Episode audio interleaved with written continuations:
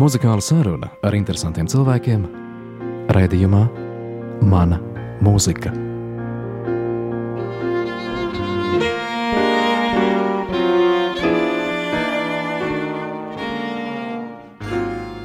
Raidījums Mana mūzika šobrīd ir kombinācijas produkts ar raidījumu mākslinieka darbistabā, tāpēc, ka neatrodamies Covid situācijas dēļ visā Latvijas radio studijā, bet esam ieradušies ar raidījumu viesi abi divi viņa darba telpā, viņa mākslinieka darbistabā Latvijas Universitātes Filosofijas un Socioloģijas institūtā.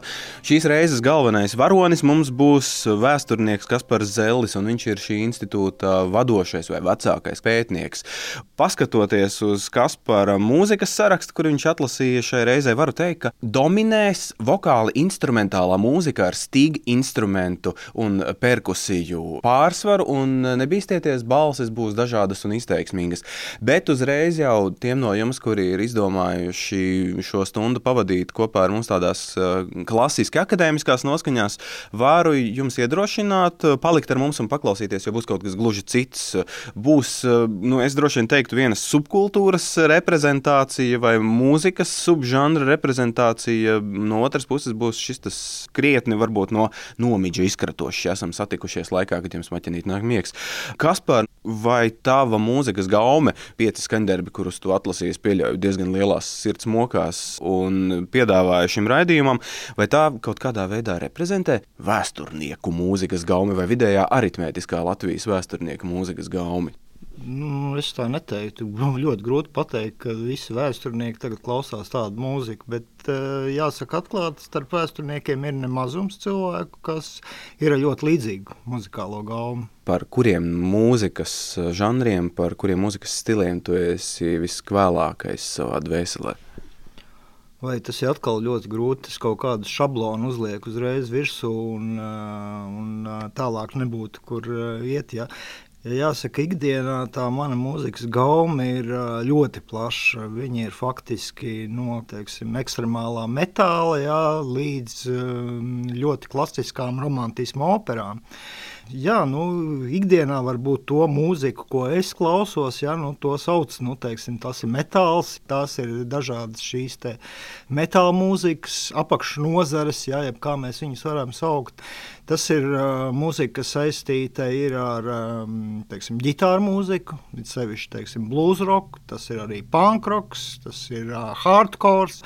Ļoti grūti pateikt. Ļoti pēdējā laikā, piemēram, es esmu uzsēdies uz progresīvā roka, ja, kas ir no klausīšanās ilguma vislielāko laiku aizņem manā dzīvē no kurienes tas viss nāk. Gribu saprast, kas par zeļa pagātni, no kurienes tu pats esi tieši muzikālā izcelsmē, vai tu esi bērnībā izcietis eh, mūzikas skolas obligāto pienesumu cilvēka dzīvē un kaimiņu biogrāfijās, vai tu esi dziedājis korī, vai ir kaut kas, kas tev ir no kaut kā aizvirzījis projām no noteiktas mūzikas? Vai teiksim, traumas man īpašas muzikālas nav bijušas. Ir sevišķi ar muzikas skolām, ja, kas ir saistītas ja, vairāk vai mazāk teiksim, jaunības gados. Ja, bija vēlme pašam kaut ko iemācīties stringšķināt, kas arī tika apgūts. Teiksim, arī šobrīd, ja nereti pats priekš sevīm, ja, bija sevišķi Covid apstākļos, ja, kad ir ļoti skumīgi pats priekš sevīm kaut ko var uzstringšķināt.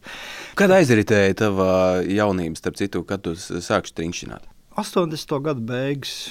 80. gada otrā puse. Tas bija laiks, kad vispār nu, teiksim, tas, kas šodien jūs paskatieties mūzikas veikalos, var ieiet un nopirkt diezgan labu ģitāru ja, par faktiski smieklīgu naudu. Ja, tas bija laiks, kad cilvēki taisīja šīs ģitāras paši. To arī Nu, man arī man bija uztaisīta basģitāra, jā, kur nav saglabājusies, protams. Un šodien varētu izsaukt ļoti, ļoti lielu smieklus pat man. Vai cieņu par to, kā cilvēki bezizējas apstākļos ir izgājuši no situācijas. Vai tavas muzikālās vēlmes un centieni rezultējās arī kādā vokāla instrumentālajā ansamblī? Vai, paldies Dievam, nē, tauta tika pasargāta no šīm šausmām. Bet uh, lielākoties man jāsaka, ka es izaugu tādā diezgan mazā miestā, nevisai lielā, un tur uh, īpaši daudz cilvēku nebija, kas līdzi justu manām muzikālajām gaumēm. Faktiski es tur biju tāda kā baltā vista cilvēki vairāk tajā laikā sajūsminājās par disko mūziku, par modernu talking, pēc boys, tam līdzīgus sviestu atvainojos par izteicienu. Jā.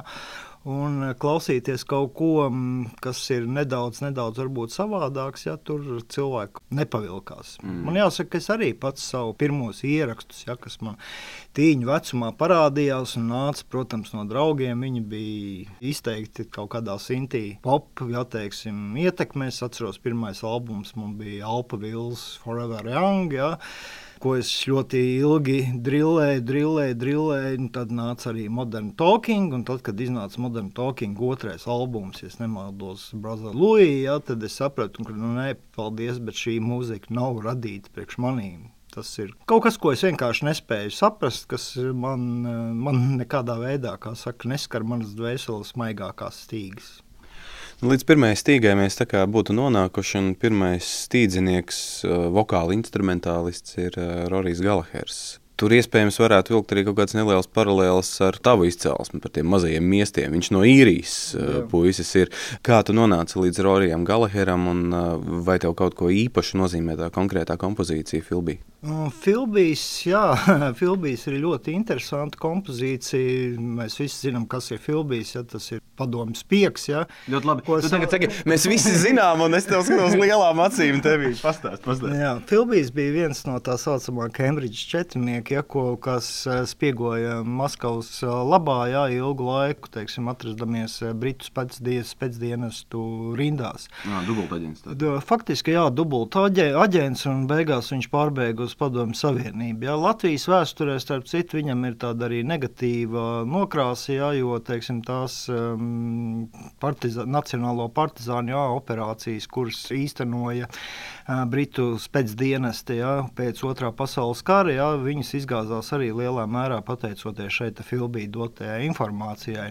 Uh, dziesma gan nav par filmiju, jā, dziesma ir vairāk par to, kā jūtās cilvēks, kas ir um, nu, nekomfortabli mēs teiktu, jūtas apkārtējā vidē, kas ir nedaudz izstumts ār, ārpus, jā, un viņš vienkārši sevi salīdzina ja, tādā romantizētā atmosfērā jā, ar to, ka viņš varētu būt kā filmbijis, ja, bet nu, nekas vairāk. Bet īru mūzika tas ir īpašs kaut kāds sons, ja teiksim, arī manā muzikālajā gaumē, jo ļoti daudz īru vokāli instrumentālajā ansambļā jā, uz manīm ir tik tiešām atstājuši ļoti lielu iespēju. Ja.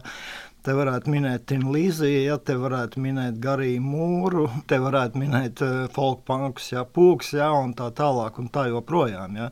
Tā ir mūzika ar tādu īpašu, man liekas, skanējumu, ja, un Rorijs Galahers ir vispārībā, man liekas, viens no ievērojamākajiem, ietekmīgākajiem ģitāristiem, kas ir bijis. Un tāpēc, kā saka, viņa šīs ģitāras skaņas, ko mēs tūlīt arī dzirdēsim, nu, var tikt samērojams nu, teiksim, ar pasaules klases citiem ģitāristiem, kā Jeffu Beku ja, vai Jim Page vai, vai, vai, vai vēl kaut ko citu.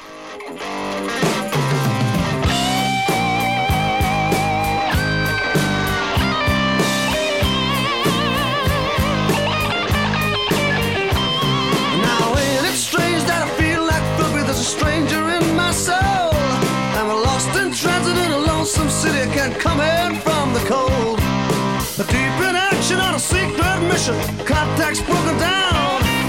Time drags by, I'm above suspicion. There's a voice on the telephone.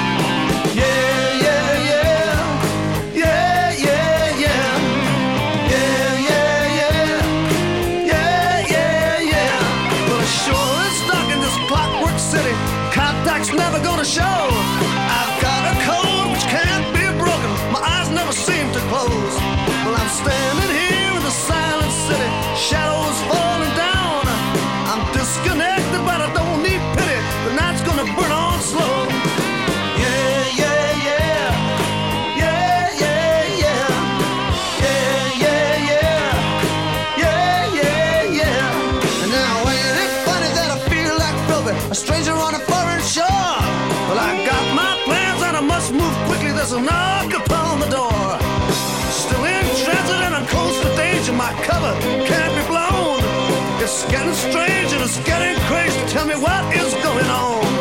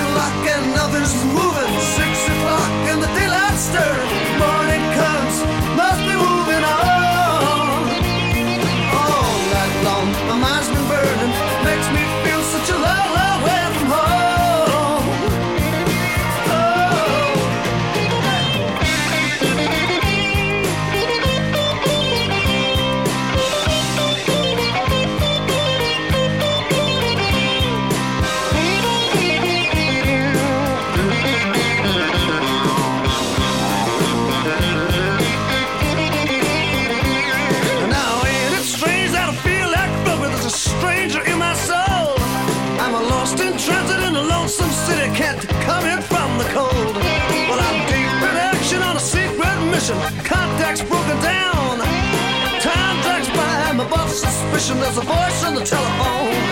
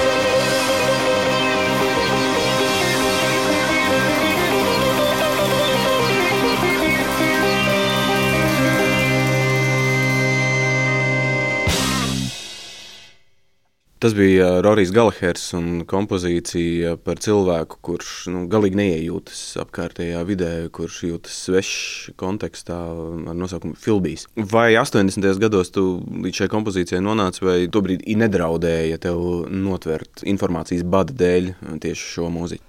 Es neteiktu, ka 80. gados bija kaut kāds ļoti milzīgs informācijas bats. Ja.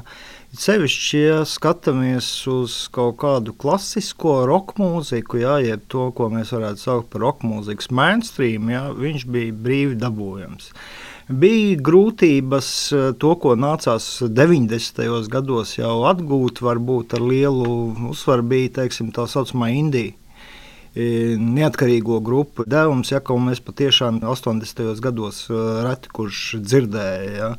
Te var minēt nu, veselu virkni to saucamo postpānu grupiņu, modelu armiju, ja, The Smiths, tā tālāk un tā joprojām. Ja, tas bija pilnīgi kaut kas jauns. Tāpat pankroks, kurš 80. gados vēl bija zināmā mērā pagrīdes kustība ja, un pagrīdes mūzika. Viņu vairāk vai mazāk tiešām uh, nācās iepazīt tikai 90. gados, ja, kad tiešām arī Latvijā parādījās ļoti daudz cilvēku, kas interesējās par šādu mūziku, un uh, parādījās arī teiksim, raksti, ja tur iznāca kaut kādas pasnieku avēnijas un vēl kaut kādi mūzikas žurnāli, ja, kuros šādi raksti parādījās. Ja. Mm. Es varu teiksim, arī palielīties, ka mans pirmais raksts, jā, vispārībā, ko es esmu uzrakstījis, ir laikam pasnieku avēnijā par um, tādu amerikāņu grupu Swans, jā, gulbiem. Jā. Kā tu nonāci līdz šai publikācijai?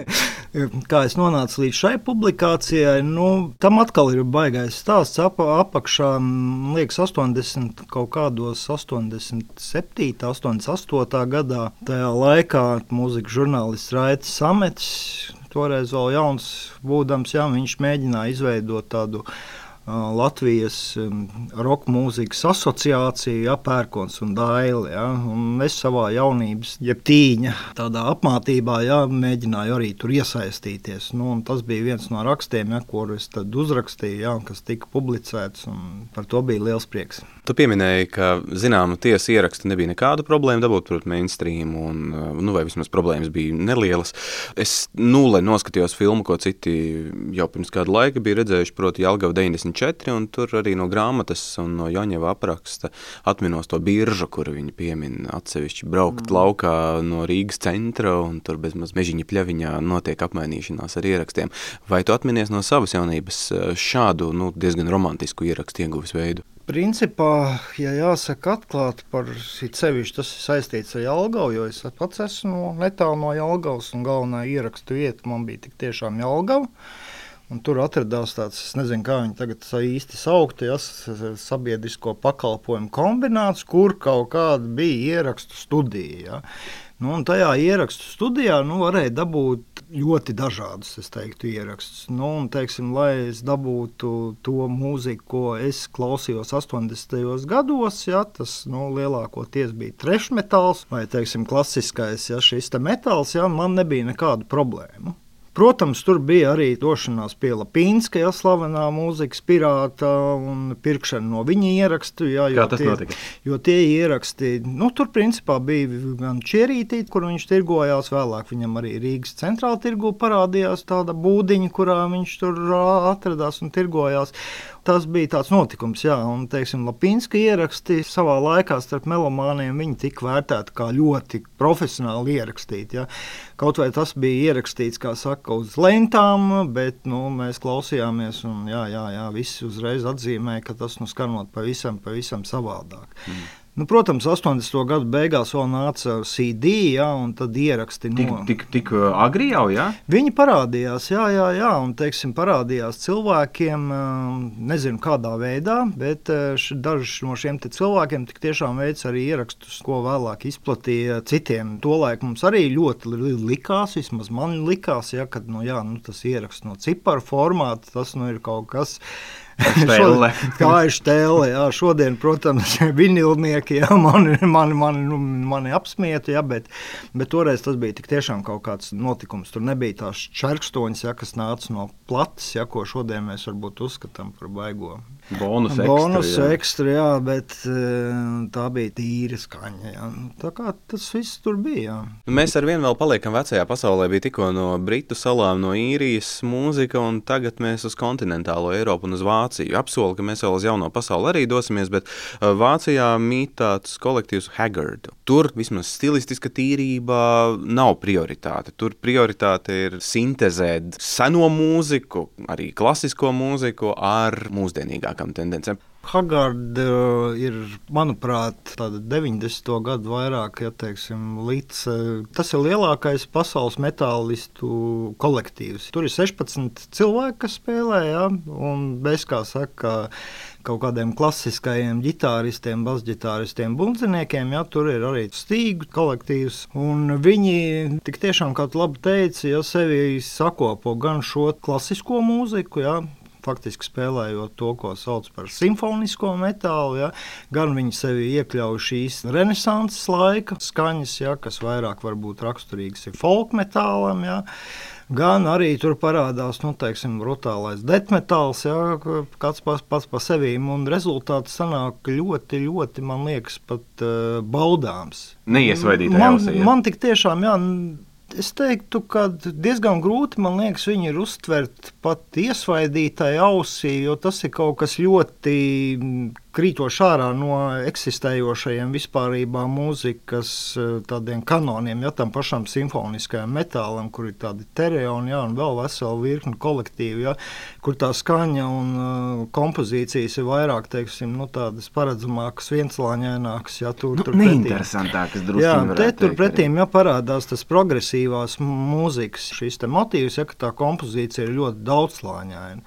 Un kas ir svarīgi, ja teiksim, arī man, ja, ka man patīk klausīties nevis tādu dziesmu, viena, viena, viena izpildītāja vai otra, man patīk klausīties albumus. Kā vienotu mākslas Kā darbu, jā. vienotu mākslas darbu, jā, un tieši tāpēc man patīk konceptuālie albumi, jā, no kuriem ļoti grūti ir dabūt ārā dziesmas, kuras ir sevišķi, kā jau teicu, ja man piemēram lielāko grūtību sagādāja tieši šis formāts, ja dabūt dziesmu, ja, kas ir piecu minūšu intervālā. Ja, nu, manas mīļākās dziesmas ir um, uz pusi vismaz ja, teiksim, ilgākas. Un Hagards, ja šis albums, ja, arī ir veltīts um, slavenam itāļu astronomam Galileo Galilejam. Ja, Albums arī saucās Epursi Movija, ja, tomēr viņi griežās, ja, un te ir tā dziesma, ja, kur var nobaudīt un paklausīties, kā tad skan šis te metālistu orķestris.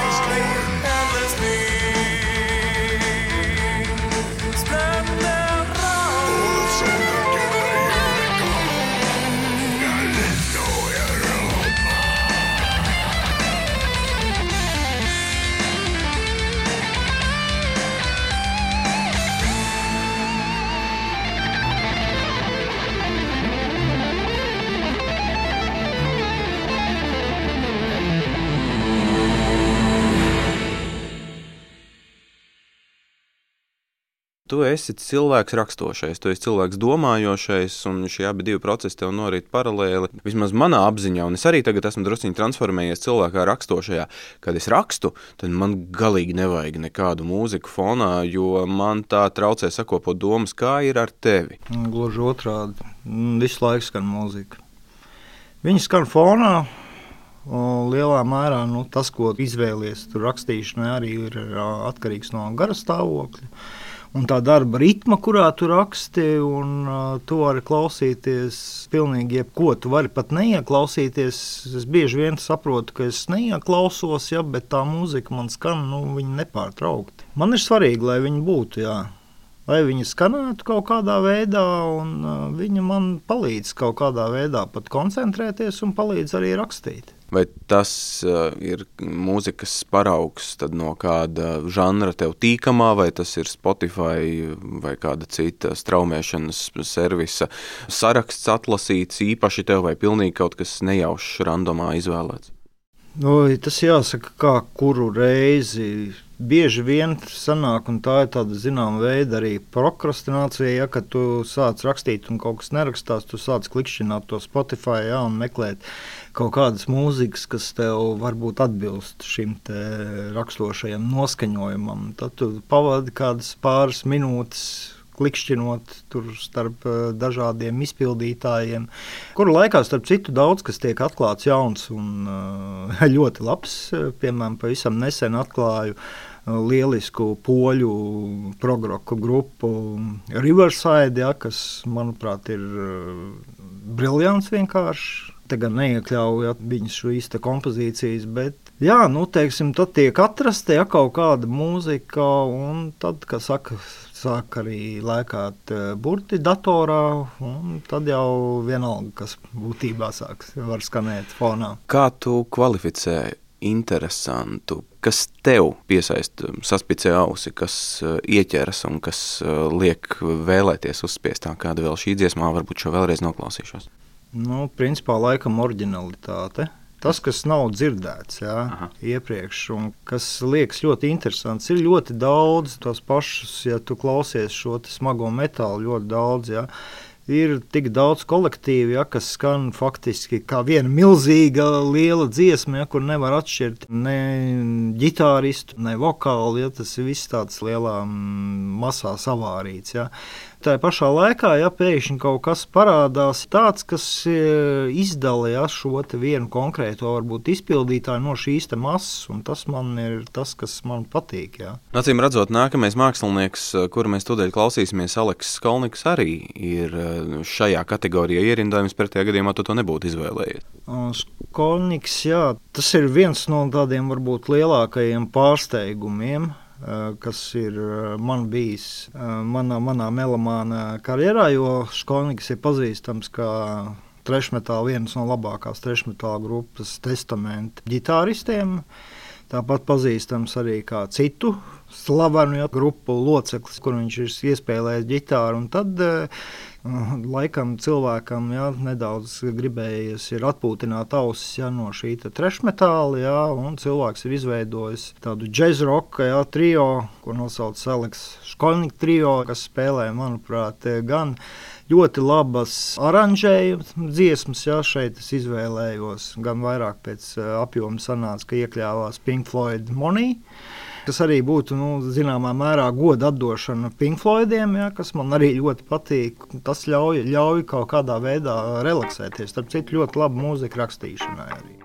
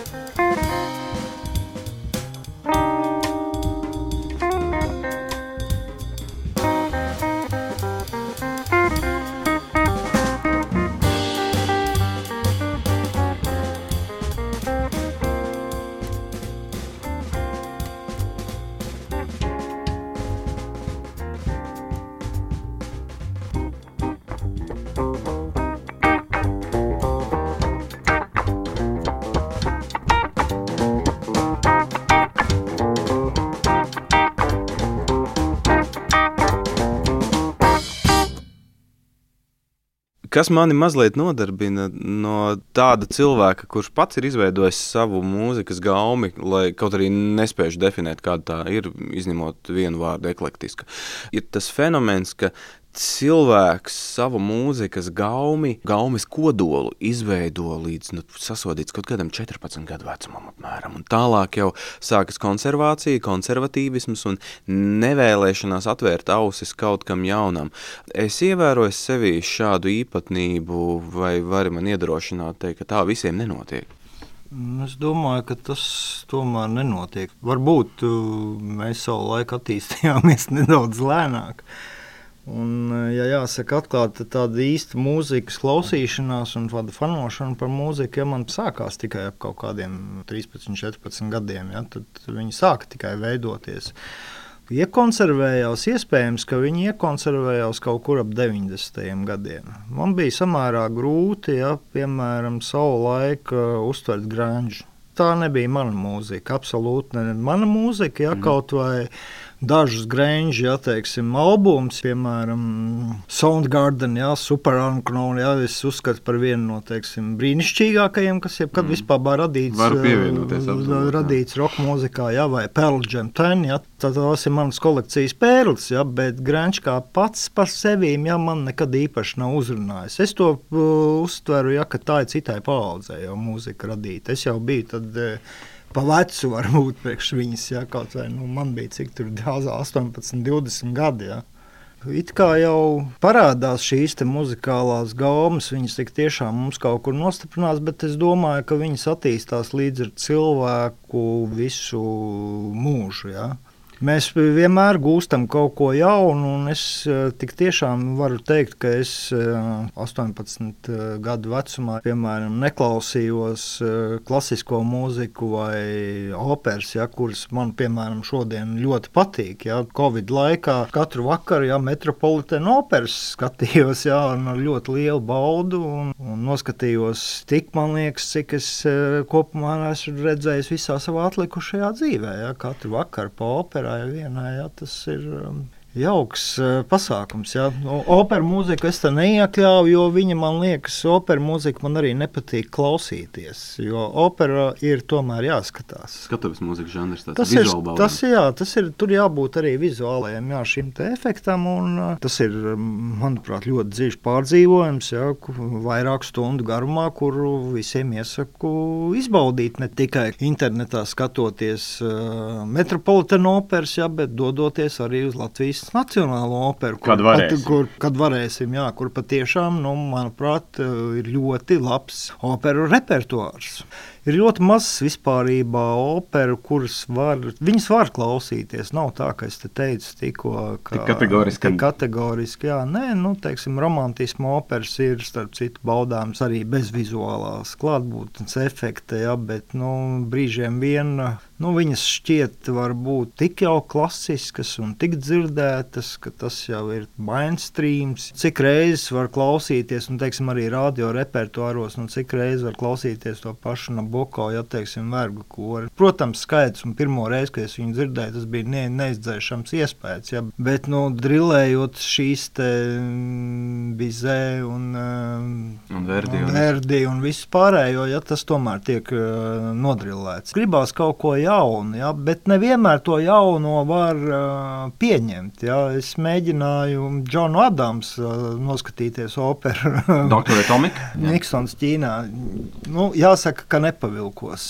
Tā nav mūzika, ja teiksim, minimālisms, lai es viņu arī varu paciest. Tas ne, nebija galīgi priekš manīm. Vīrs vārdā Volfs Hofmans. Nu, izklausās pēc ģermāņu izcelsmes kunga pastāstīt. Ir arī ģermāņu izcelsmes kungs, un varbūt šo kompozīciju es arī izvēlējos, lai dotu savu godbijību pret uh, vienu no vācu. Savulaik man ļoti daudz ietekmējušām grupām Accept, ja, kuras eh, ģitārists ir Wolfs Hofmans, gan arī pret Musorgska, ja, kas uh, man uh, personīgi nezinu, kāpēc ļoti, ļoti patīk. Varbūt tāpēc, ka viņš arī bija savu laiku 19. gadsimta rokstārs, ja, kurš beidza savu dzīvi tieši tāpat kā daudzi teiksim, 70. un 80. gadu mūziķi. Nu, vētrains vīrs. Vētrains vīrs, jā, vētrains vīrs ar ļoti labu, ļoti dziļu muzikālo uztveri. Un viņa, viņa Boris Godunovs man personīgi ļoti patīk. Viņa bildītas no izstādes, ja tas man liekas, vispār ir sava veida žanra, kā lasika, un cik nu daudz tās interpretācijas tur par viņām nav dzirdētas. Viņas vienmēr spēja kaut ko panākt jaunu. Tas ir sava laika, mēs varētu teikt, nenovērtēts tīradnis, ja, kuru var izmantot arī šodien, un viņš skan visos laikos ļoti mūsdienīgi. Redz, cik interesanti. Tu tikko pieminēji, ka klausīties vienu un to pašu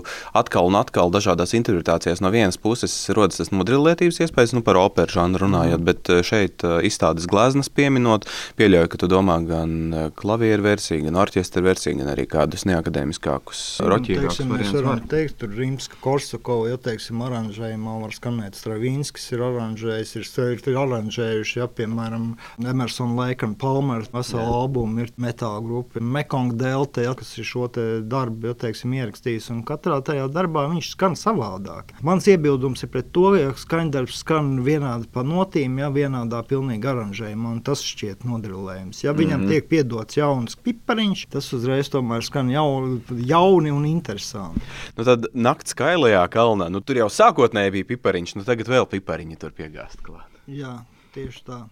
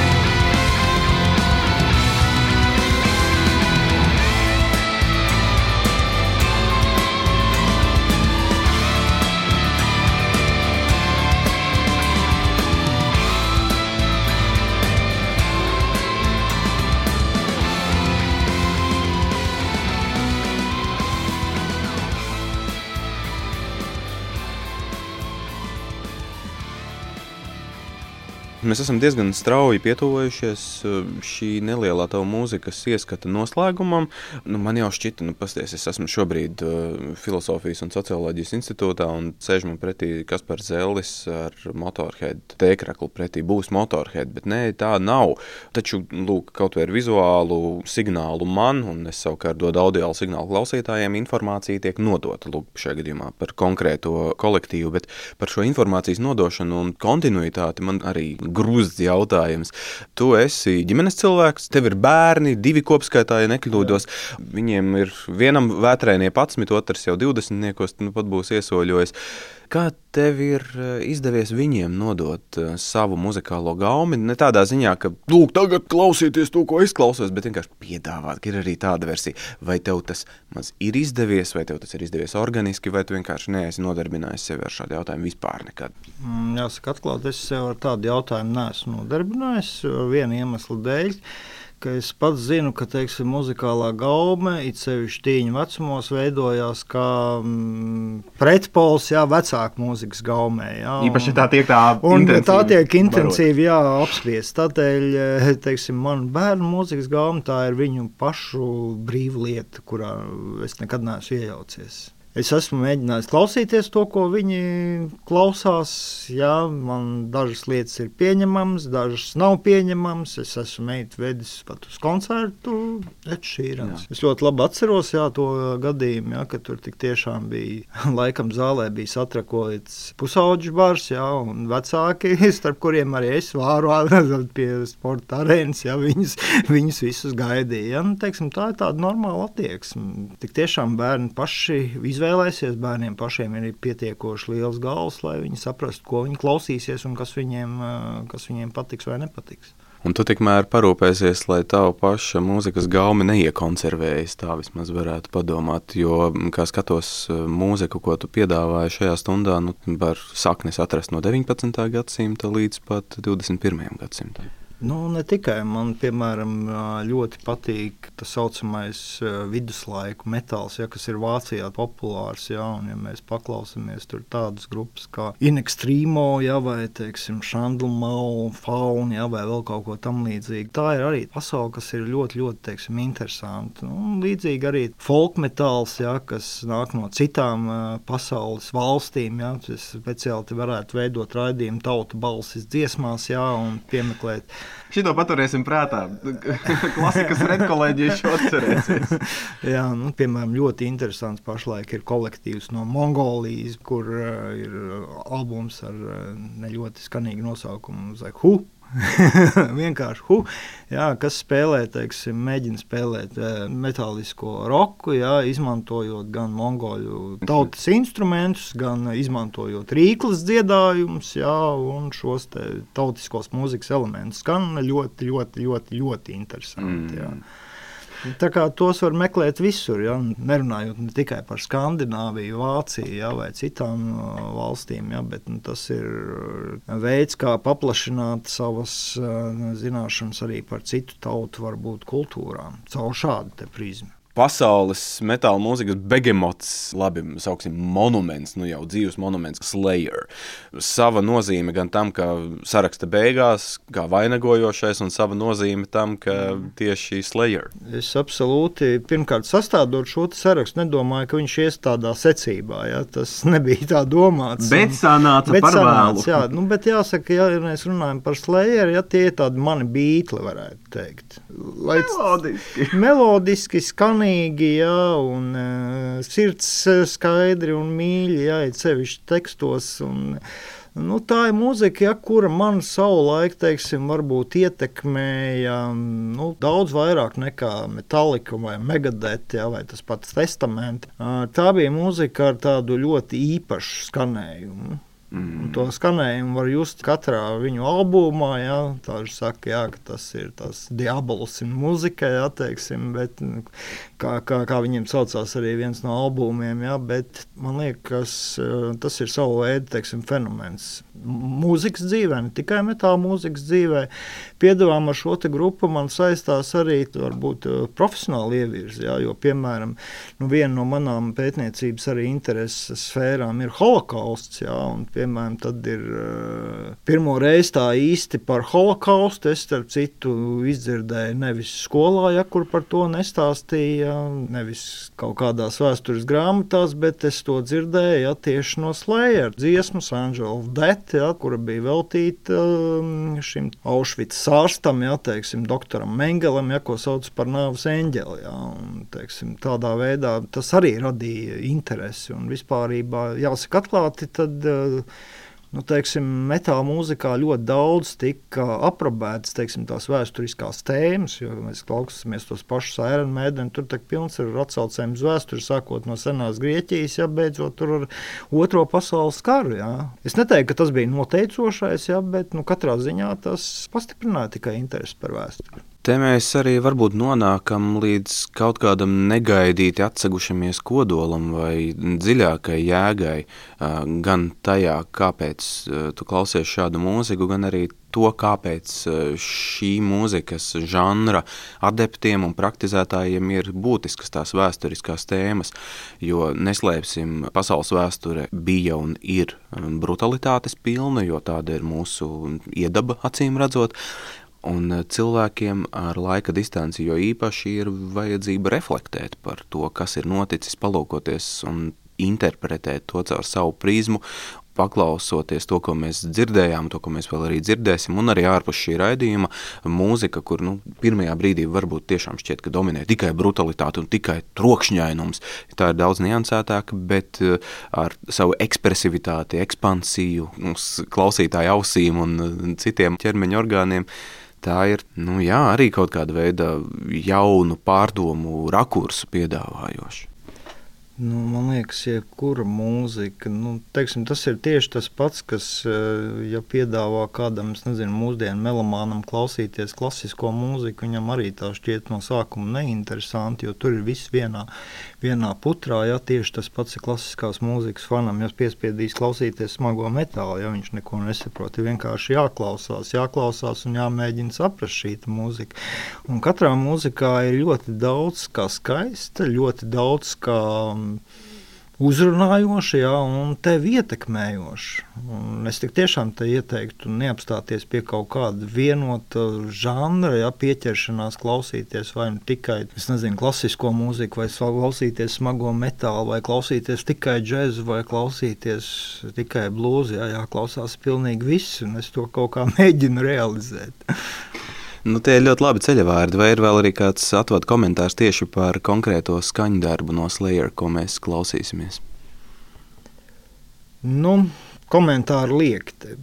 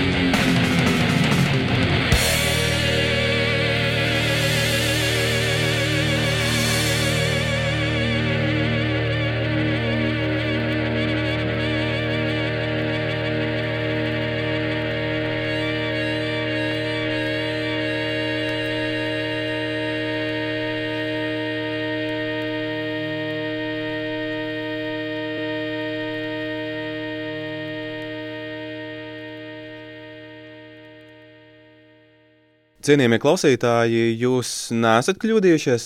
Šī ir Latvijas Rādio 3 klasika frekvence un aizvadītajā stundā izskaidrojot to, ko tikko dzirdējām, arī mm, kolektīvu The Slayer mūziku. Mēs viesojāmies vēsturnieka Kaspara Zeļa mūzikas pasaulē un tā garām ejot, bet cerams ne gluži virspusē pieskārāmies tai mūzikai, kas viņam ir tuva, tai, kas viņam ir aktuāla un būtiska. Kaspara mūzikas sarakstu, kompozīcijas no Rorija Galhera, Haggard, Aleks Školnika trio, Wolf Hoffman un Slayer. To varat meklēt eh, klasikas tīmekļa mājaslapā šī raidījuma atsevišķajā lodziņā. Par to, ka klausījāties, saku paldies šajā reizē jums es, Edgars Ragīnskis, nu un turpiniet klausīties klasiku. Pie mums valda mūzikas dažādība.